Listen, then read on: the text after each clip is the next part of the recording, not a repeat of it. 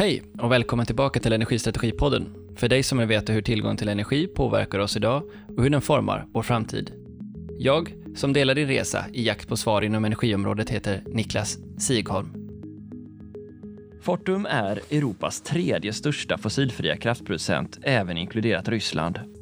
Bolaget har också en lång historia i Sverige där man numera har vattenkraft, vindkraft och kärnkraft som tre centrala kraftkällor efter att man sålde Stockholm Exergi i somras till ett konsortie av pensionsbolag. Simon Erik Ollus leder en organisation som har som mål att facilitera en koldioxidfri ekonomi, även om 45 procent av bolagets totala portfölj fortfarande är gasdriven i Europa. Vad krävs då för investeringar och att det ska hamna rätt och leda till en ny grön verklighet för Sverige och Europa? Välkomna! Då så, Hejsan Simon Erik Ollus och varmt välkommen till Energistrategipodden. Tack Niklas. Du, eh, som eh, divisionschef för Fortum Power Generation. Det stämmer. Eh, berätta för oss, vad, hur kom du att hamna där du är nu? Fortum Generation är vår nordiska elproduktion. Så det är kärnkraften och vattenkraften och vindkraften som Fortum har i Sverige och Finland och lite också i Norge. Och sen vår elhandel. Och jag har nu lett den här verksamheten i ett halvt år. Jag tog den här rollen i, i mars och före det har jag varit chef för Fortums tradingverksamhet i Norden. Och före det så var jag chefsekonom för Fortum och ledde vår marknadsanalys och investeringsanalys. Så mycket fundera på ska vi säga, marknadsmodeller och investeringsklimat och egentligen hur klimatomställningen i Norden kan bli en möjlighet för de nordiska länderna. Jag har varit i bolaget i tolv år och jag är nationalekonom som utbildning, så inte en klassisk kraftledare, utan kommer också med ska vi säga, en ekonomisk bakgrund ofta till diverse frågor. Känner bra till kärnkraftsteknologi och vattenkraftsteknologi och vindkraftsteknologi och tror kraftigt på dem också. Men eh, som nationalekonom, vad var det som drog dig till energibranschen? I tiderna så forskade jag mycket i länder, eller forskade i naturresursförbannelsen. Varför länder som har mycket naturresurser, varför de länderna också brukar ska vi säga, fattigdom, inte en bra ekonomisk utveckling, äganderättigheter är centraliserade till, till, till vissa, vissa i samhället och egentligen den ekonomiska utvecklingen är ganska dålig. varför länder som inte har naturresurser egentligen blir rika och klarar sig, som till exempel Sverige och Finland. Så att ska vi säga, naturresurserna och energin den skapar möjligheter, men den har också förstört mycket i världen. Hur påverkade det din syn då, eftersom du sen kom att hamna för ett av de största energibolagen i Norden och dess strategi och utveckling? Du måste ändå fört med sig någonting in i den rollen, tänker jag. Ja, definitivt. Jag menar, energifrågor och hur naturresurser används, det är extremt spännande. Så att när jag erbjöds möjligheten i tiderna för tolv år sedan att komma som första chefsekonomen till Fortum, så var det ett erbjudande jag inte kunde tacka nej till. Och få sen jobba i en stor koncern med analys och fundera på hur världen ser ut och omvärlden ser ut. Det, det är spännande. Okej, men ska vi titta då på Fortums verksamhet i, i Sverige nu då. Ni är ju för många i branschen ju också fram tills nu kända som hälftenägare av Stockholm Exergi. Det stämmer. Vi har ägt Stockholm Exergi 50 procent länge och nu heter det, håller vi på att sälja ut den andelen. Just det. Och det, det, innebär ju att ni gör en förflyttning på marknaden och Fortum har ju varit bra på det historiskt, att, att vinkla sin strategi mot spår som man tror mycket på. Kan du berätta lite grann om bakgrunden för liksom vart ni är på väg nu och varför exempelvis en försäljning av XEGI ligger i linje med det? Vad, vad är affärslogiken? Ja, Fortum, vi har varit länge på den svenska marknaden. Vi kom hit på 90-talet redan och har vuxit i diverse områden, som till exempel via Exergi och också vi ägde Ellevio tidigare, men vi har också köpt och byggt en hel del kraftproduktion och vi är stora både i vattenkraften och kärnkraftproduktionen i Sverige. Och Sverige, vi är den näst största elproducenten i Sverige i dagens läge. Och Sverige är vår hemmamarknad. Vi tycker om att vara i Sverige och vi tycker om att hjälpa det svenska systemet och samhället att gå vidare.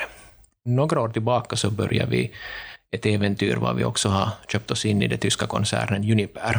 Och idag äger vi lite över 75 procent av, av Uniper, som är ett stort uh, tyskt bolag, som ett elbolag, som också har kraftproduktion i Sverige via Oskarshamn och också ägandena i Ringhals och Forsmark och sen också vattenkraft här i Sverige. Och I dagens läge så är Uniper vårt dotterbolag så det konsolideras som en del av Fortum. Och det vad vi också nu har gjort de senaste åren är det att vi har blivit ett mycket mer renodlat elproduktionsbolag, ett generationbolag. Vi ser att CO2-fri el kommer att behövas mycket i framtiden. Och vi ser att eh, klimatomställningen kommer att göra att vi hamnar kraftigt elektrifiera våra samhällen. Och då kommer det att behövas aktörer som kan leverera klimatneutral elproduktion, som vi egentligen har. Och vi är ganska stolta över att tillsammans med Uniper så är Fortumgruppen idag den tredje största CO2-fria elproducenten i Europa. Ganska kraftigt tack vare vår, vår nordiska vattenkraft och kärnkraft som är en stor del av det. Mm. Men eh, vad är det för vad är det för logik som gör att eh, ni ser att det är bättre att vara nischad mot den typen av storskalig eh, fossilfri elproduktion snarare än att ha en palett av flera olika tekniker i samma portfölj? Det är olika affärsmodeller i olika, olika modeller. Så att ska vi säga, när vi går mot en värld var kapitalkostnaderna också spelar en ganska viktig roll, så är det ganska viktigt att din risk riskprofil av bolaget är ganska liknande. Det är allt svårare att samtidigt vara en stor nätägare, vara stora i slutkundsaffären, vara stora i produktion, vara stora i fjärrvärmeproduktion. Det här att vara en, diversi, eller att vara en sån integrerad utility-modell som man talade om tidigare blir allt besvärligare i en omgivning var egentligen kapitalkostnaderna kan vara ganska billiga och marknaden väntar sig mer specialisering. Så Fortum har helt klart nu också de senaste åren valt att fokusera sig på elproduktion och CO2-fri elproduktion som en av våra stora stöttespelare. Då resonerar jag högt där, men då tänker jag att det är det man ser också. För det faktum att E.ON diversifierade ut och har sålt ut den här Juniper, det är också ett sätt att gå mot då tydligare eldistribution och ni väljer att gå in i det här området. Så att man ser olika spelare som tar olika tydliga positioner på marknaden. Förstår du rätt då? Det stämmer. Om man tittar på Centraleuropa så ser man att eh, allt kraftigare så väljer de olika elbolagen, börslistade elbolagen, nischer var de spelar och de specialiserar sig i olika hörn istället för att försöka vara integrerade elbolag som tidigare var. Det är en klar trend vi ser i dagens läge. Okej, okay, men som en, en stor kärnkraftsproducent eller kärnkraftselsproducent, eller hur man nu ska vilja kalla det, fossilfri el från kärnkraft om vi ska definiera det som du nämnde i början, så, så har ju ni varit i centrum för eh, den energipolitiska debatten eh, under ett decennium, eller flera decennium såklart. Och den senaste energiöverenskommelsen i Sverige hade ju mycket kärnkraften som utgångspunkt för sina diskussioner. Hur tycker du sen energiöverenskommelsen slog fast villkoren för eh, att ha kvar kärnkraften i svenska systemet, att marknaden har utvecklats för att skapa förutsättningar för en hållbar affär inom det området? Något att börja med så vill jag säga att kärnkraften spelar en viktig roll och det är en fossilfri elproduktion. Och vad vi också nu ser med facit i hand att den har en mycket viktig roll för systemstabiliteten i södra Sverige. Genast om ett kärnkraftsblock är borta så har vi enorma problem med nätet och vi hamnar begränsade kraftigt. Och egentligen det är svårt till och med att importera förnyelsebar el från norra Sverige till södra Sverige ifall inte alla kärnkraftsblock egentligen kör. Fortum i tiden motsatte sig stängningen av till exempel Oskarshamn 1 och 2 som vi också var delägare i. Och med facit i hand så kan man frågasätta att var det ens rätt att stänga så många block egentligen? De skulle alla ha behövts när vi tittar från systemstabilitet, eh, när vi tittar framåt. Sen förstås ska vi se energiöverenskommelsen. På så sätt så, jag, jag tittar själv från sidan och tycker att det var, det var bra att man hade en politisk förhandling var alla politiska partier försöker binda sig långsiktigt till vad energipolitiken. Men implementeringen har ju inte, har inte blivit av. Man följer inte upp egentligen det. Och det andra som fattades från energiöverenskommelsen var att det gjordes aldrig någon ordentlig konsekvensanalys av det egentligen. Och då kommer ju frågan till det att när vi funderar på det framtida energisystemet, hur ska vi se till att vi har alla de olika egenskaperna som det framtida energisystemet behöver? Det behöver en viss del stabilitet, det behöver en viss del flexibilitet och det behöver en viss del också intermittent vad heter det, volatilitet i framtiden. Hur bygger vi ett balanserat system till framtiden? Kanske om man skulle ha en energiöverenskommelse 2.0 så borde man börja från egentligen hur det elektrifierade systemet borde se ut. och Hur garanterar man att de olika egenskaperna också finns där i nästa period? Och kanske det är den debatten jag skulle önska mera i Sverige, att vi skulle tala om vad det framtida energisystemet behöver och skapa också ett investeringsklimat så diverse aktörer kan positionera sig gentemot framtiden. Ja, precis. Om vi tar det där senaste du sa om investeringsklimat och eh, politiska förutsättningar så är kärnkraften en väldigt långsiktig investering för alla som ska gå in i den, men även reinvesteringar i den. Eh, och vi har också sett att nedläggningar av vissa verk i Sverige har kopplade till osäkerheter kring krav som kom efter Fukushima och investeringar som då behövde göras. Hur ser du nu på vilken trygghet du som ändå stor investerare i kärnkraft i Sverige har givet det politiska läget och vad du hör? alltså jag tycker att situationen är bedrövlig. Eh, jag skulle vilja ha en trygghet för kärnkraften och jag ser att de existerande blocken kommer alla att behövas till slutet av sin livscykel. Man skulle till och med kunna förlänga dem efter det ifall de också behövs, så vi borde ha en diskussion egentligen hur vi ska se till att investeringsklimatet hålls stabilt.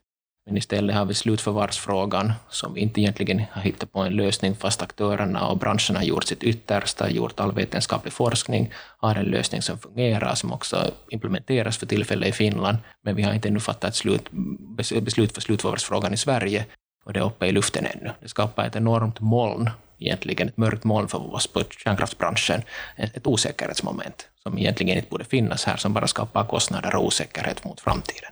Vi kan också tala om taxonomin. Vad heter det, I Bryssel så håller man på att jobba med vilka kraftslag är hållbara och vad heter det, nu är diskussionen att är kärnkraften hållbar eller inte och det är en enskild process där. Och man skulle önska att de svenska politikerna skulle vara aktiva också och lobba i Bryssel att se till att kärnkraften definieras som hållbar. För att ifall vi inte definieras som hållbara så vet vi inte hur den lagstiftningen kommer i nästa period som sen kan också påverka investeringsklimatet för kärnkraft i Sverige. Och vi behöver kärnkraften i Sverige så att vi inte med nationella medel sen har kompensera skador som europeisk lagstiftning skapar. Det är inte egentligen där vi vill vara. Ja, men precis, för vi, å ena sidan då så hörde vi Svenska kraftnät säga att det går inte med bara variabel kraft vi, i framtiden om vi ska ha den här enorma expansionen av efterfrågan i Sverige eller i det nordiska systemet som helhet. För det ska man komma ihåg, det är inte bara Sveriges efterfrågan som ökar utan det gäller i lika hög grad både Finland och eh, Norge. Eh, å ena sidan då behöver man dispatchable power, alltså kraft som, som kan eh, Eh, Eh, planeras. Å andra sidan då så har man fortfarande en energy only-marknad som det betyder att man får betalt per kilowattimme och inte egentligen på den systemnyttan som man tillför till systemet. Hur, eh, hur tolkar du det? Alltså, som sagt, jag tycker att det borde finnas en viss samhällelig konsensus hurdant kraftsystem man vill ha i framtiden. Och på så sätt till exempel är elektrifieringsstrategin som vad heter det, Ygeman för vidare helt rätt. Sätta ett, ett planeringsmål hur, var vi ska vara i framtiden. Så borde vi bygga på basen av det också hur systemet ska se ut och vad är optimalt och hur kommer vi dit. Och det kan sen leda till att man borde titta på hela investeringsklimatet som en helhet. Jag tycker, jag menar, energy only är en del att man egentligen bara får betalt för energin och inte för alla de egenskaper som olika kraftslagen hämtar in till systemet. Men lika mycket ser vi också att vi håller på att driva bort från någon slags teknikneutralitet som vi höll fast vid tidigare. Till exempel anslutningsavgifterna för havsbaserade vinden. Då favoriserar vi en teknologi på basen av de andra. Taxonomin favoriserar vissa teknologier mot de andra. Och, och, och då kommer ju den här diskussionen sakteligen fram att vad är det framtida energisystemet? Hur ska vi se till att, att ett framtida energisystem egentligen fungerar och att de olika aktörerna vill investera och, och vara där? Hur, eh, det var en fråga jag tänkte ställa förut, men eh, jag gör det nu. Då. Hur, hur ser du på regeringens hantering av slutförvaringsfrågan? Vad, vad, vad kan man förstå av det? Är det så att det genuint inte är utrett ännu, att det finns osäkerheter kring koppar och hur det beter sig? Eller eller andra ämnen i slutförvaret? Eller är det här en politisk markering? Hur tolkar ni det? jag skulle hoppas att det skulle vara det första, men nu känns det ju allt kraftigare som en slags politisk markering. Vi har på branschen gjort vårt yttersta att ta ansvar över de kärnavfall som har kommit. Vi har gjort all forskning, vi har gjort våra, haft våra bolag som ska leverera det. Vi har en lösning som, som fungerar och vi skulle vilja komma vidare med den. Nu är vi i en situation var det är osäkerhet om framtiden och vi har också en process med mellanlagret, att de splittrades upp och vi hamnade söka, söka, söka nya, nya tillstånd som också kan dröja ut. Så här skapar man klart osäkerhet och också kostnader till oss som kärnkraftsoperatörer. Det är nog en, en, en våt, ansikt, våt handduk i ansiktet på oss som egentligen inte skulle behövas när vi alla vill hjälpa till och att göra ett klimatneutralt Sverige och komma till de målsättningar som politikerna har satt upp. En hel del av den här kritiken har ju då riktats till eh, Per Bolund på, i Miljöpartiet. Och om man tar den vinklingen då och tittar på hur kärnkraften betraktas som en hållbar eller inte hållbar resurs så skiljer det sig också mycket mellan olika länder och olika kontinenter hur mycket miljörörelsen är kopplat till att antingen vara emot eller vara för kärnkraften.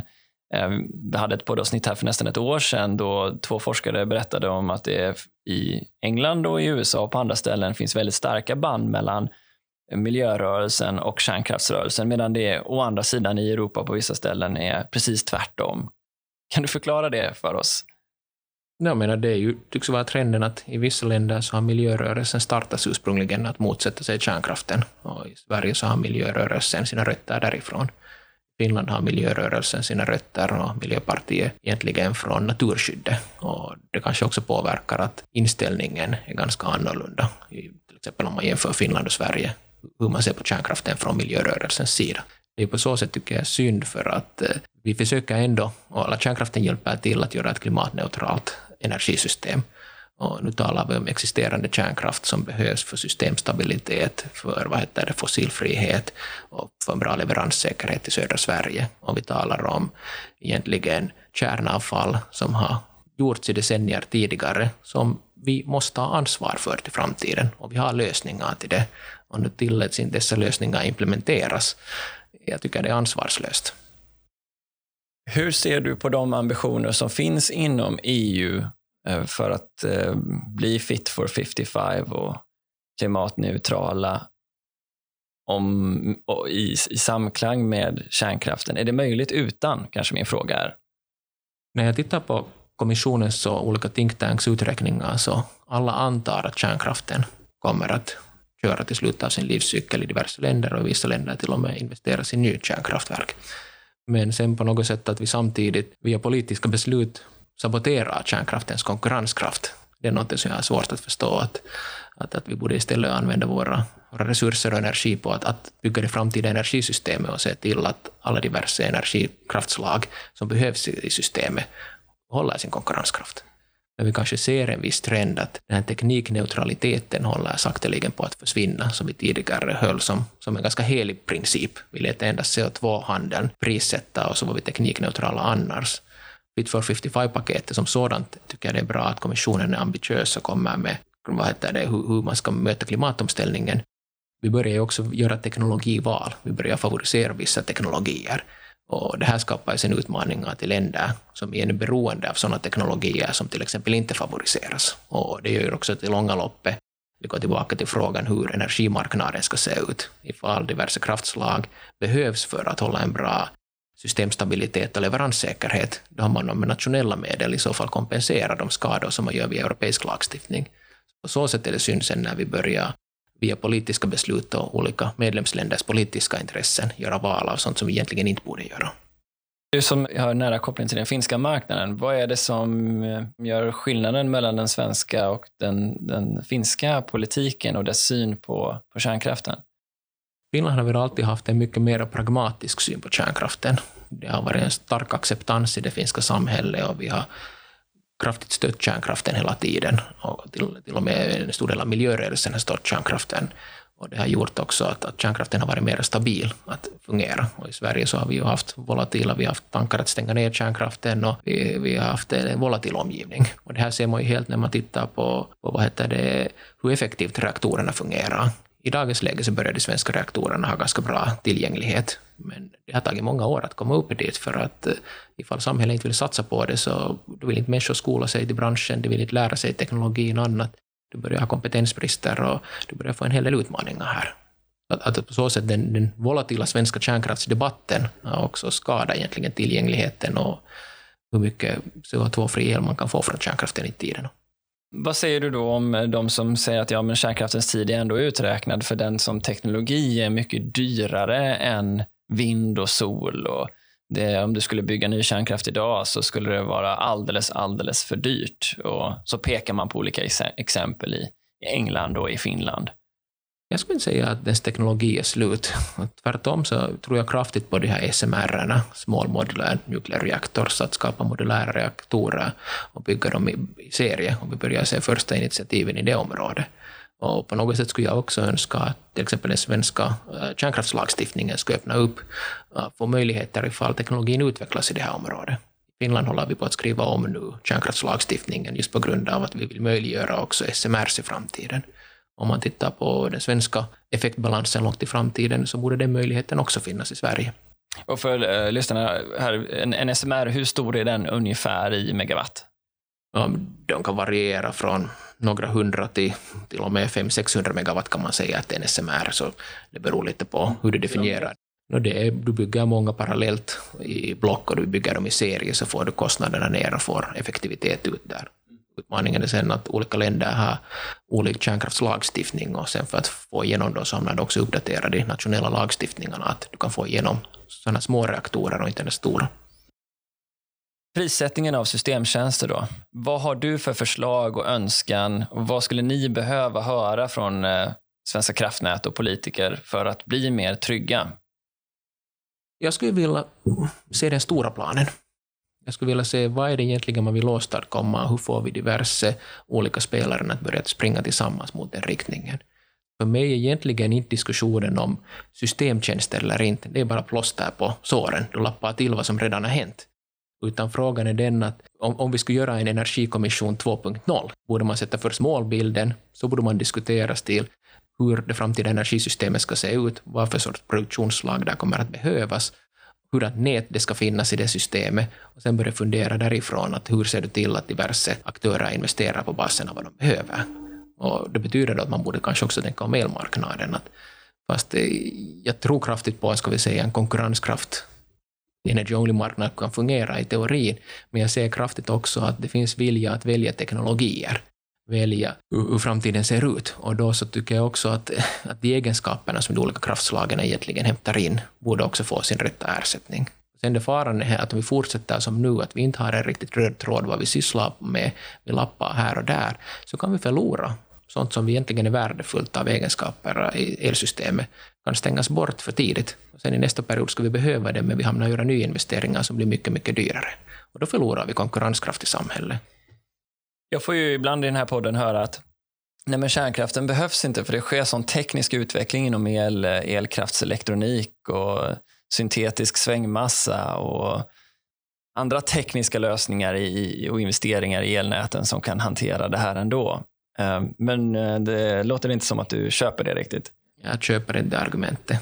Säkert kan man bygga tekniskt ett energisystem i Sverige som skulle ha kraftigt med förnyelsebart och mycket batterier och vad heter det, svängande hjul i systemet som hämtar energia. Men det blir ett mycket, mycket dyrt system i så fall som vad heter det, också förstör konkurrenskraften och man kommer inte att få energiintensiva investeringar till Sverige. Medan igen, kärnkraften är en existerande lösning som finns i södra Sverige var en stor del av konsumtionen är och den också stöder kraftigt energi, eller systemstabiliteten och hämtar energi in till elsystemet i södra Sverige. Vi ser redan nu vad som händer när Ringhals 3 har haft eh, en förlängd eh, vad heter det, outage, eh, Revision. Outage på, på sommaren. Och vad egentligen hurdana brister det gör att vi har en del, del fossila kraftverk som hamnar att köra samtidigt. Egentligen skulle inte Sverige ens klara av att importera förnyelsebart från norra Sverige till södra Sverige utan att kärnkraftsblocken kör där i systemet. Då är frågan mer det att få kärnkraften i dagens läge den rättvisa uh, inkomst på grund av de egenskaper det hämtar till systemet. Hur ska vi se till att vi också har alla block i framtiden? Ja, för den andra kritiken då, men det ena var prissättningen och att, eh, att det är för dyrt att, eh, att investera i det. Så den andra, andra är ju farhågan om att det är för mycket risk kopplat till en aktör på, i ett elprisområde. Om eh, SVK har det här en minus ett direktivet som säger att om en faller bort så så måste det finnas resurser som klarar av att täcka upp för det. Hur ser du på det argumentet då mot, mm, kring kärnkraften? Att det, det, det, det, är så stort och volatilt. LKAB nämnde bland annat i sin podd att ja, men det är klart att vi ska ha vindkraft. Vi, om vi är beroende av ett kärnkraftverk så är det för stor risk i om det faller bort. Ja, men de är, de är stora block och de är ju delägda av många aktörer. Och det har fungerat historiskt mycket bra, så inte säger det som en stor risk.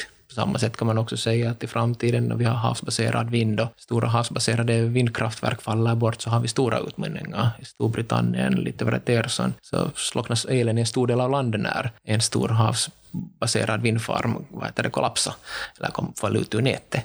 Så att på så sätt, det finns alltid en viss utmaning med, med stora block. Så lite orättvist att peka på kärnkraften då, tycker du? Att, eh... no, det är väl orättvist, men igen ska vi säga för kärnkraftsaktörerna så igen så skulle jag önska att det också skulle finnas en ska vi säga, förståelse och att man vill skapa stabilitet i oss. Alltså som man hanterar oss i dagens läge med till exempel slutförvarsfrågan eller med taxonomifrågan, så skapar man också osäkerhet i oss. Och då kan det leda till att, att, att, att vi är osäkrare om framtiden.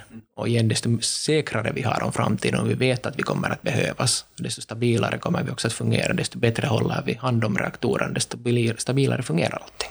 Ser ni att ni kan fylla kärnkraftens kapacitetsutnyttjande med någon annan typ av produkt, säg vätgas i framtiden? Vätgasen är en spännande möjlighet och säkert säga att en av de mest konkurrenskraftiga vätgaserna är egentligen sånt man skulle kunna producera från kärnkraft. För att vätgasen också, fast den ska vi säga, tänks från ett energisystem så att, att den, den, kan vara volatil och den kan balansera då när det finns överutbud av el och tvärtom sen när det är brist så, så kör den inte. Så igen från en enstaka vätgasanläggning så är det igen det är bättre att köra den 8600 timmar i år än att köra den volatilt. Så att på så sätt ser jag nog också att, att ska vi säga, den pinka vätgasen kan vara mycket konkurrenskraftig i framtiden. Ja, just det, den, blir, den klassas som rosa, ja. Rosa pink talar man i EU, vad heter det, jargon om den. Ja. Ja, så vi var inne på det här med, med, med taxonomin och huruvida det är inte riktigt avgjort än hur, hur man ska se på kärnkraften i, inom Europa. Det är en process på gång var det en, en andra omgång för kärnkraften och också gaskraften är med där i Europa. Och vad heter det, den processen pågår. Och vad jag skulle önska är att de svenska politikerna skulle vara aktiva nu mot Bryssel och försvara kärnkraften, att den definieras som hållbar. För att sen ifall den inte definieras som hållbar så vet vi inte hur den här utmaningar det sen skapar för investeringsklimatet i kärnkraften. Och ifall kärnkraften ändå behövs i nästa period, som all analys visar, sen om man med nationella medel hamnar kompensera den, den konkurrenskraft man förlorar via taxonomin, så det är en Pandoras box som jag verkligen inte skulle önska att man öppnar. Vad tror du händer?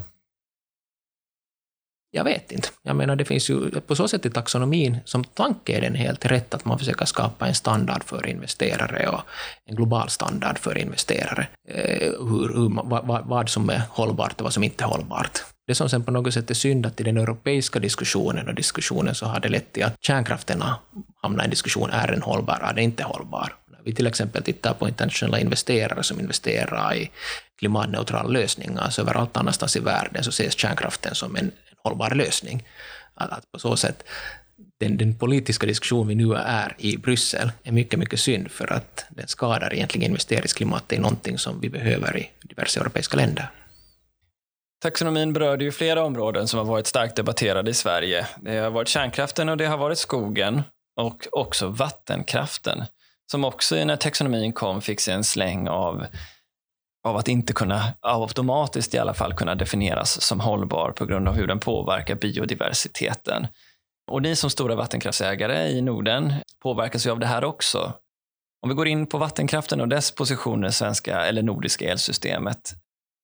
Jag vet inte om jag ska ställa frågan riktigt, men vad blir effekterna av att det nu liksom, även i den här tekniken kommer, kommer eh, miljömål som då går på liksom, kollisionskurs med de kanske klimatmål som vi har? Det är en bra fråga och vi ser den utvecklingen också. Så vi har både taxonomin och sen ramvattendirektivet som gjordes för några år sedan som nu implementeras nationellt. Och nu håller man också på att jobba med en biodiversitetsstrategi i Europa. På så sätt är det helt rätt att vi funderar på eh, hur vi ska Eh, göra vatten, vatten, vatten renare och hur vi tittar från, från lokal biodiversitet på saker och ting. Men det finns också, ska vi säga, farvågor i det här. Att eh, ifall vi för strikt endast vill eh, hjälpa till med lokal biodiversitet, att vi också kraftigt minskar på hur mycket vattenkraft vi egentligen har i nästa period.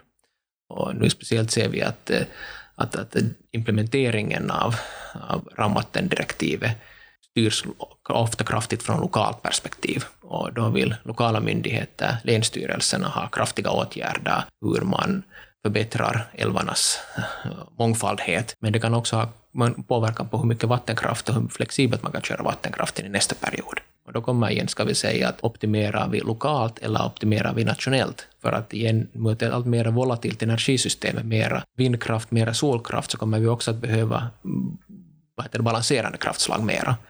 Och tittar vi på klimatomställningen eller klimatförändringen som vi försöker minska, eller tittar vi på det lokala, vad är det egentligen vi optimerar?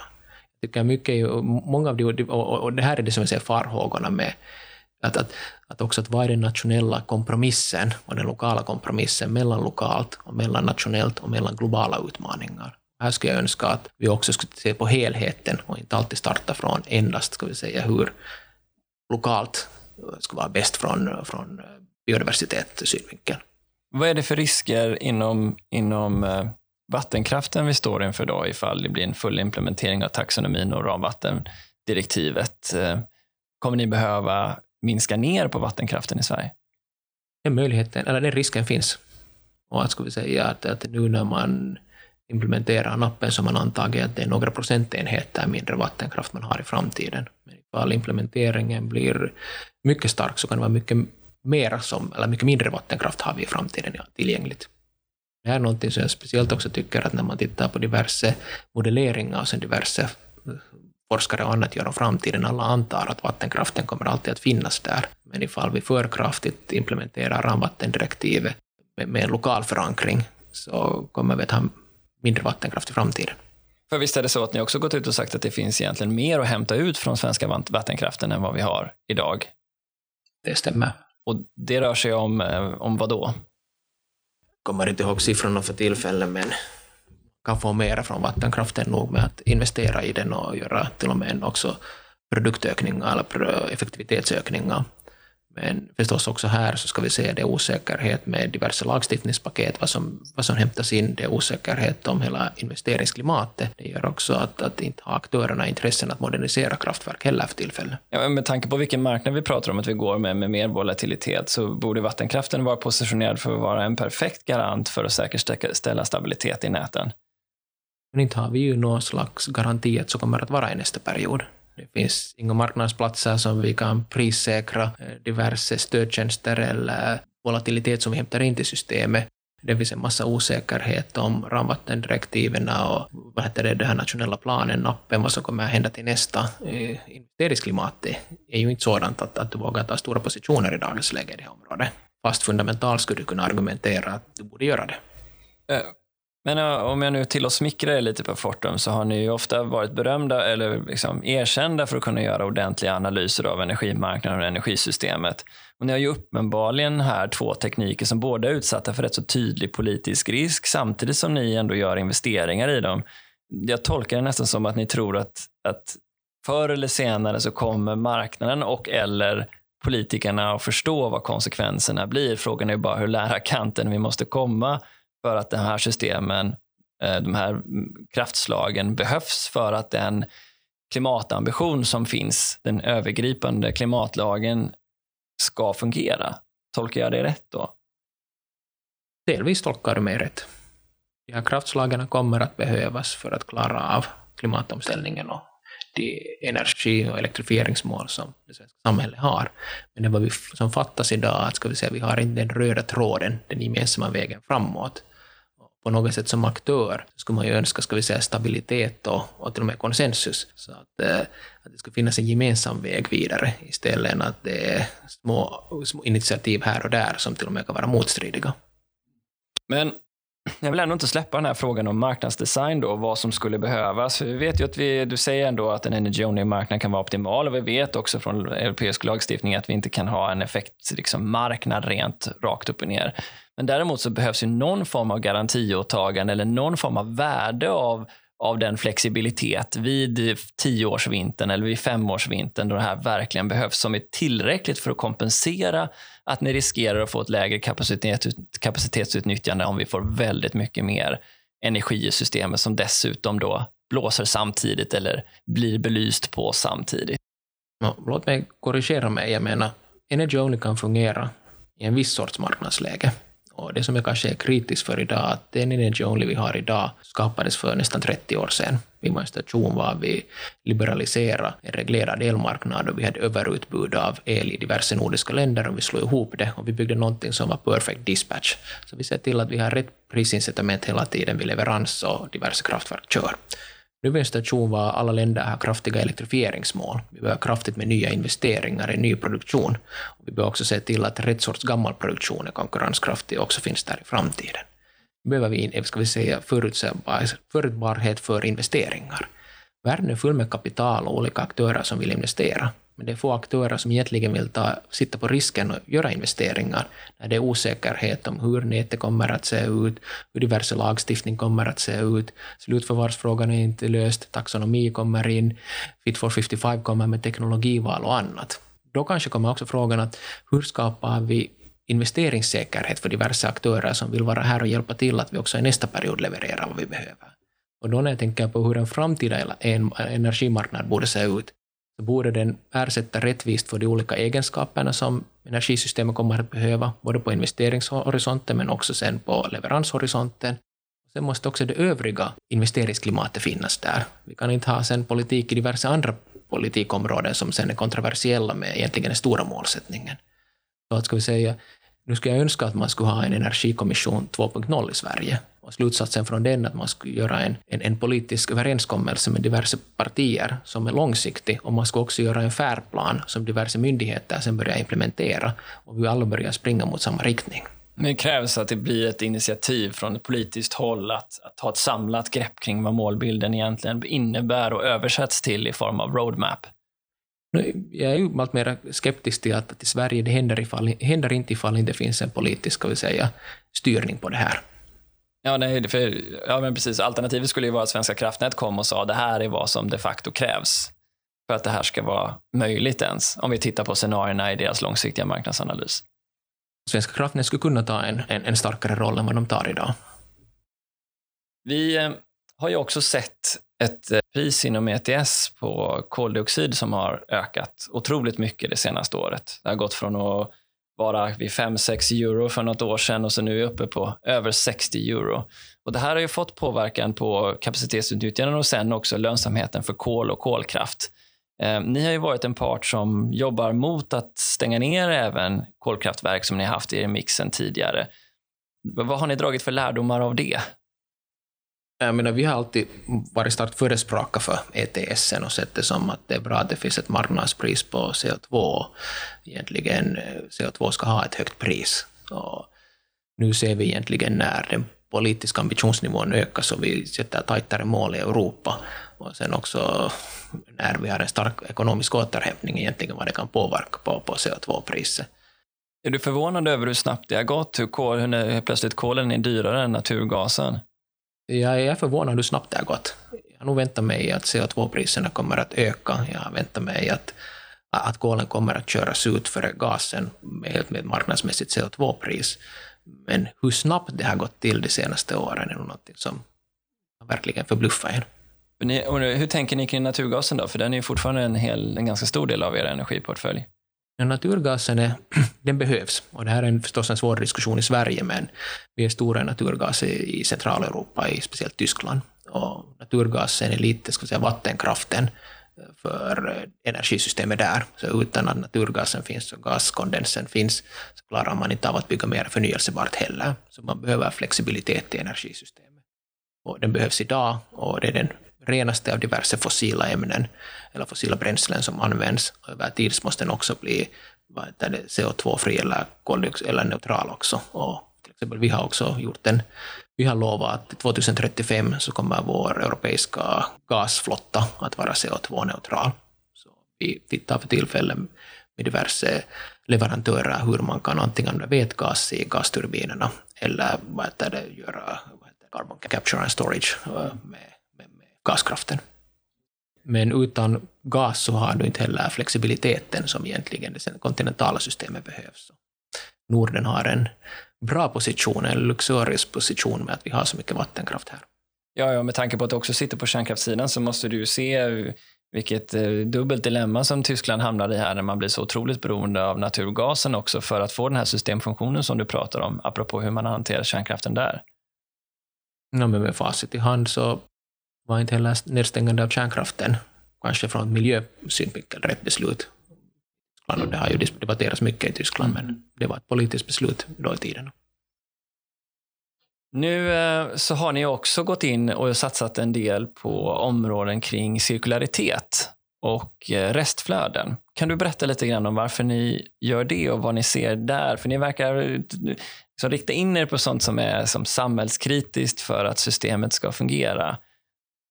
I tiden var det 2016 som vi köpte oss in i ett, ett finskt bolag som heter Ekokem. Så vi skapade något som heter Recycling and Waste Solutions i Fortum. Och vi har hela tiden tyckt att också cirkulär ekonomi är spännande. Och egentligen, vi ser att en kraftig megatrend är också att vi använder för mycket naturresurser i vår omgivning, i vår värld, och vi måste egentligen börja återvinna resurserna mycket mer effektivt, hur vi använder dem.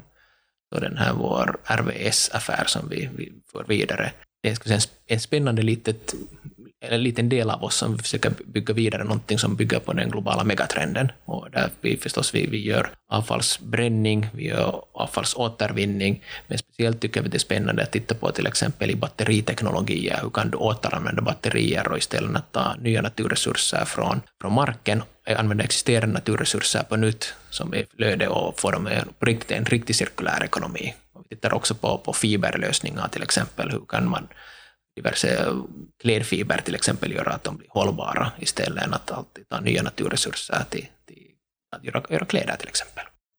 När tror du vi på allvar kommer upptäcka att vi för att klara av det samhälle som vi har nu eh, har riktigt ont om mineraler?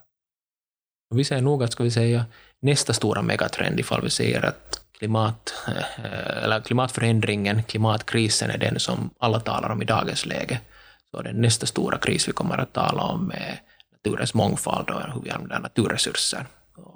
Vi bygger åt oss en liten position i den här, den här affären mot den här trenden med vår RVS-affär som vi tycker är spännande. Men det måste också bekymra dig personligen? Bekym nu bekymrar det ju självklart. Ja. Är dåligt samvete av all extra konsumtion i dagens läge. Mm. Det, det, är väl bra det också, att, att, att, att det tar illa. Ja, det, det, är inte, trenden är inte att konsumtionen minskar, utan trenden är den att vi måste se till att bevara mineralerna i den konsumtionen som vi har på ett mer hållbart sätt i samhället. Och också bryta den trenden att det är varje år allt tidigare vi kommer till den dagen när vi har använt årets alla naturresurser slut och använder för mycket naturresurser, så nu har vi också ett visst ansvar till kommande generationer från den värld vi lämnar till dem, att det också finns resurser åt dem i framtiden. Mm.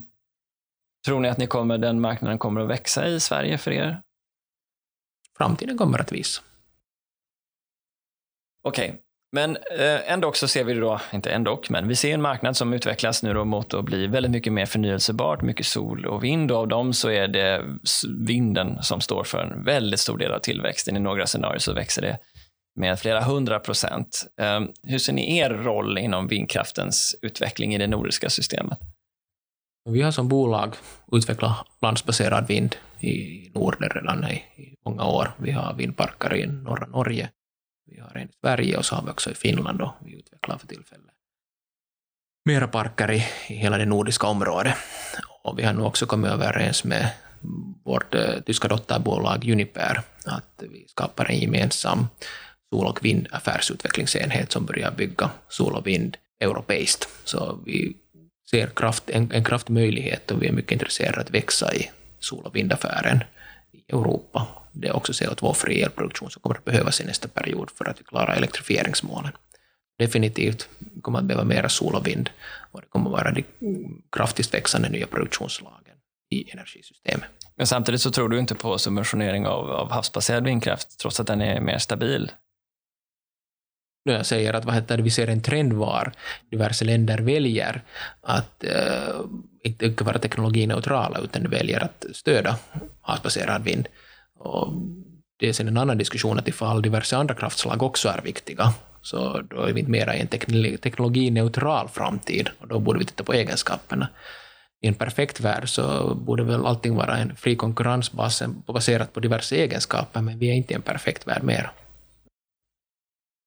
Finns det några positiva exempel och utblickar du som ser många olika marknader? Är det, är det någon som går före och som du skulle vilja peka på som har en, en, en bättre systemförståelse för hur man designar sin marknad? Senaste tiden har jag blivit allt mer inspirerad av Storbritanniens marknad. Jag var i tiden ganska kritisk, kommer jag ihåg, då när Energy Market Reform lanserades 2012.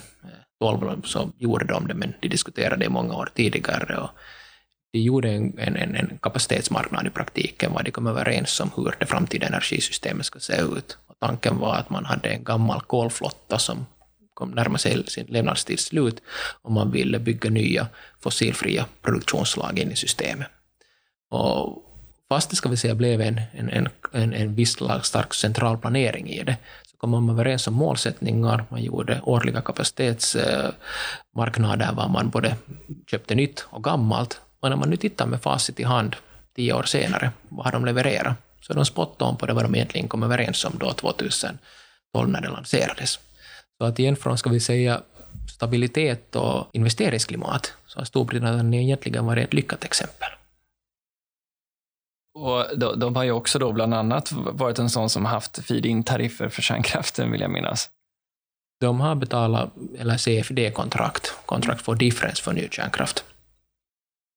Okej, okay. um, ehm, så Eh, vi behöver någon form, ni har ju tidigare gått ut i debattartiklar och pratat om hur den nordiska elmarknaden står och blir allt mer en ödesfråga. Vi såg, eh, vi såg att eh, vi fick ett inlägg i Second Opinion från den, den finska motsvarigheten till SVK som pratade om att även Finland är väldigt beroende av de besluten som vi fattar i, i Sverige och för dess försörjning.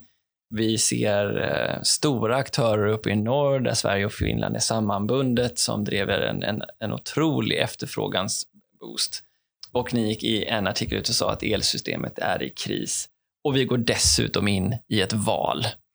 Vad hoppas du kunna vara med och påverka och förflytta inför det här stundande valet och el, elsystemets position i det? Jag skulle önska att folk skulle förstå egentligen vad investeringsklimat är. Och egentligen ett stabilt investeringsklimat i Sverige är allas nytta. Och egentligen att komma fram med gemensamma lösningar, komma överens om vart det är vi egentligen vill, planeringsmål på elektrifieringen är bra, och sen till nästa diskutera hur ska vi komma dit, också över partigränser. Så det inte blir en diskussion var diverse partier bara kritiserar varandra och vem har bästa idén, utan egentligen alla förstår att klimatomställningen är någonting som vi hamnar göra någonting åt och vad heter det, vi vill elektrifiera samhället och hur ska vi göra det på bästa möjliga sätt. Det gör igen sen det tryggare för diverse aktörer. Är det sen Fortum eller någon annan som vill komma till Sverige och investera och möjliggöra energiomställningen. Och desto mer som vi sen ska vi säga gör suboptimala lösningar, desto mer vi mikromanagerar, desto mer vi grälar sinsemellan, desto mer osäkerhet skapar vi. Och igen, klimatomställningen och klimatkrisen är någonting som vi alla vill lösa. Vi alla vill vara med på det här ståget och hjälpa Sverige att, att, att eh, komma med sitt, till sitt elektrifieringsmål och också göra, förbättra Sveriges konkurrenskraft. Och jag vet att eh, din, eh, en tidigare kollega till dig, Pekka, han, han pekade också på behovet av den här typen av förutsägbarhet runt hela Östersjöområdet. I, I vilken mån upplever du att det verkar mot ett, ett mer sammanhållet system inom eh, Norden och de baltiska områdena? Alltså i en perfekt värld så skulle vi ha en hel, eh, gemensamt investeringsklimat i hela Östersjöområdet. Och egentligen fungerar vi på en gemensam elmarknad. Sen i ska säga, alla huvudstäder så tycks det alltid glömmas att man tänker alltid nationellt och man ser inte stora helheten. Och så sätt, vad heter det, så ser jag också framtiden, antingen så börjar vi jobba mer nordiskt, och vi börjar lösa saker och ting nordiskt och vi accepterar att det är nordiska lösningar, eller sen accepterar vi att vi gör mera nationella lösningar, men vi måste bestämma oss. Vi kan inte tro att vi gör allting nationellt och sen är det ändå ett nordiskt system. Men vi måste välja ifall vi går mot en mer, ska vi säga, centralstyrd marknad i framtiden. Då är den kanske mindre nordisk än vad den liberala marknaden är i dagens läge. Det är val vi hamnar att göra i framtiden.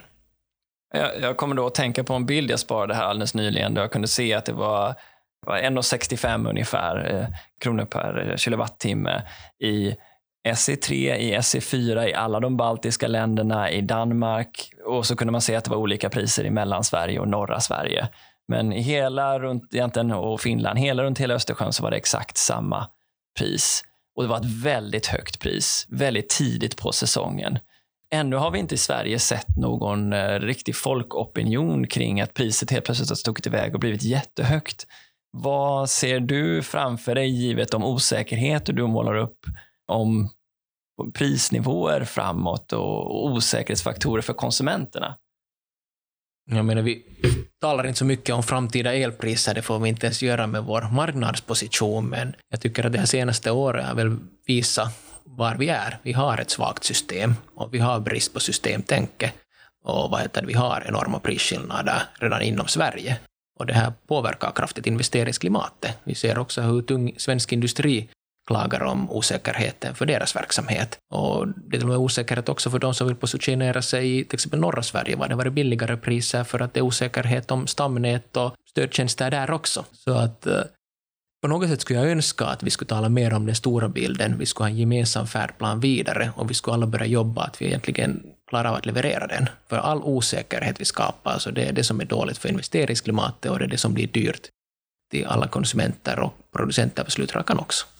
Så men nu tolkar jag det igen, men om jag förstår det rätt då, så, så det vi ser och har sett sen i somras vad gäller volatiliteten på marknaden och de priserna som vi har sett, det är bara ett exempel på den som ett resultat av den osäkra investeringsmarknaden vi har haft ett tag nu. Det här har varit ett exceptionellt år att gå tillbaka. Vi har råvarupriserna är skyhöga historiskt, de har aldrig varit, eller aldrig varit så här höga. Vi har en stark ekonomisk återhämtning efter coronakrisen. Så har vi Ringhals 3ans olyckliga situation som gör att det är brist på kärnkraftproduktion i södra Sverige. Och sen har vi haft vissa utmaningar också med nätutbyggande i Sverige. Sydvästlänken har varit försenad och annat. Så att skulle säga, det är många olyckliga saker som händer samtidigt. Och så är det torrår också på samma tid. Att det är torrt i alla nordiska vattenmagasin. Så det här är väl ett, ett, ett, ett extremt volatilt år vi ser i dagens läge. Och förra året var sen ett exempel på ett år som var mycket låga priser och när det är vått och när priserna är låga och så vidare. Men säkert har vi mer volatilitet i framtiden. Och volatilitet är delvis bra för ska vi säga, marknaden, men volatilitet kan också vara dåligt för investeringsklimatet. Och det är alltid en balansgång mellan de här två. Eh, om man då blickar framåt igen och er kraft och er position, inte bara som en investerare utan också som en innovatör inom energiområdet. Ehm, hur ser den ut? Jag vet att ni liksom har skapat någonting som ni kallar för One Team Corporation tillsammans med Uniper vad gäller forskning och utveckling. Vad tror du det finns för potential att genom innovation och utveckling klara av att lösa några av de här svåra frågorna? Finns det någonting där som är särskilt intressant tycker du? No, alltså det finns vissa fysikens regler som man inte kan lösa, de hamnar man bara ta i beaktande. Men definitivt så ser jag nog också att ska vi säga, forskning och utveckling i den här branschen har en mycket, mycket viktig roll. Du kan förbättra processer och göra effektivitet via digitalisering. Du kan använda, ska vi säga, vattenkraftsturbiner på olika sätt via digitalisering så får du mer data ut ur dem. Du, får, du kan använda dem mer flexibelt, till och med delvis. Batterierna är spännande, vätgasen är spännande, nya lösningar med efterfrågeflexibilitet med kunder är spännande. Och vi har gjort en hel del också, till exempel med lokala eh, nätoperatörer. Eh, batterier har vi utforskat som Fortum både i Finland och Sverige. Hur kan vi hjälpa både lokal effektbrist och nationell effektbrist samtidigt med samma produkter? Jag tycker det är mycket man kan jobba med på forskning och utveckling. Det kommer att lösa en del, men förstås, det måste finnas tillräckligt mycket kablar också, och det måste finnas tillräckligt mycket produktion och tillräckligt mycket flexibel produktion också underliggande, så allting löses inte med forskning och utveckling. Men det, alltså, det finns inget sånt här Alexanderhugg. Jag såg att ni investerade exempelvis i, i batterier närheten till någon av era eh, vattenkraftstationer. Men det finns ingen sån teknisk utveckling. Du ser att här har vi en, ett nytt instrument som kan få stor påverkan på energisystemet som kunna, kunna lösa flera av de knutar jag sitter på idag. Och inte för tillfället någonting stort som bakom knuten finns. Vätgasen är väl det nästa stora, att ifall vätgasteknologin blir konkurrenskraftig och hur vätgasmarknaderna utvecklas och vilken roll tar elektrolyserna i, i systemet. Det är väl sådana stora frågor som alla bolag funderar på. Vad tror du då? Vi har en eh, klimatlag eller en klimatambition inom Europa att vi ska vara i princip eh, klimatneutrala till ja, i alla fall 2055, 2045 om man tittar i Sverige. Vad tror du om utblicken att nå den typen av målsättning givet var vi står idag? Jag önskar och vill att vi når den och jag skriver under att det är den målsättning vi ska komma till och jag vill komma dit. Men jag är delvis kritisk att jag tycker att i dagens politiska omgivning, både i diverse medlemsländer men också i ska vi säga, Europa överlag, så blir det allt mer populistiskt. Vi gör teknologival, vi mikromanagerar, vi ser på små saker och vi ser inte egentligen skogen bakom träna, utan vi fokuserar oss på träna. Och det kan leda till en hel del suboptimala lösningar. Kanske vi korrigerar inom tid när vi ser att vi gjorde en fel lösning, men korrigeringen kan också bli dyrare än om vi skulle från början titta på den stora bilden. På något sätt kanske naivt så önskar jag att politikerna och beslutsfattarna skulle också titta hela tiden på den stora bilden och ha blicken på det och se hur vi kommer dit. Ett mer holistiskt tänkande skulle hjälpa oss på vägen. Kanske blir en repetition av tidigare då, men om du fick önska dig någonting så här med, mot avslutningen. Förstår jag att det är, det är politiker som sätter sig ner och säger nu har vi det här planeringsmålet, vi ska ha 300 terawattimmar i det svenska elsystemet, var någonstans ska vi börja? Är det det som står högst upp på din lista? Jag önskar att det skulle finnas en konsensus av planeringsmålet. Det skulle kunna vara 300 terawattimmar, men sen nästa fas, hur ska vi komma dit? Jag ska också diskutera det. Simon-Erik, tack så hemskt mycket för att du kom till Energistrategipodden. Tack, det här var roligt.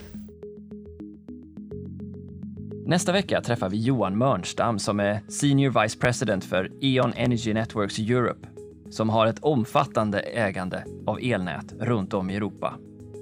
Hur ser utvecklingen ut för dem, givet the Green Deal och alla förändringar som kommer därav? Vi hörs då. Kom gärna ihåg att klicka på prenumerera i din poddapp så dyker nästa avsnitt upp automatiskt. Och gillar du podden? Betygsätt den då gärna. Det uppskattas.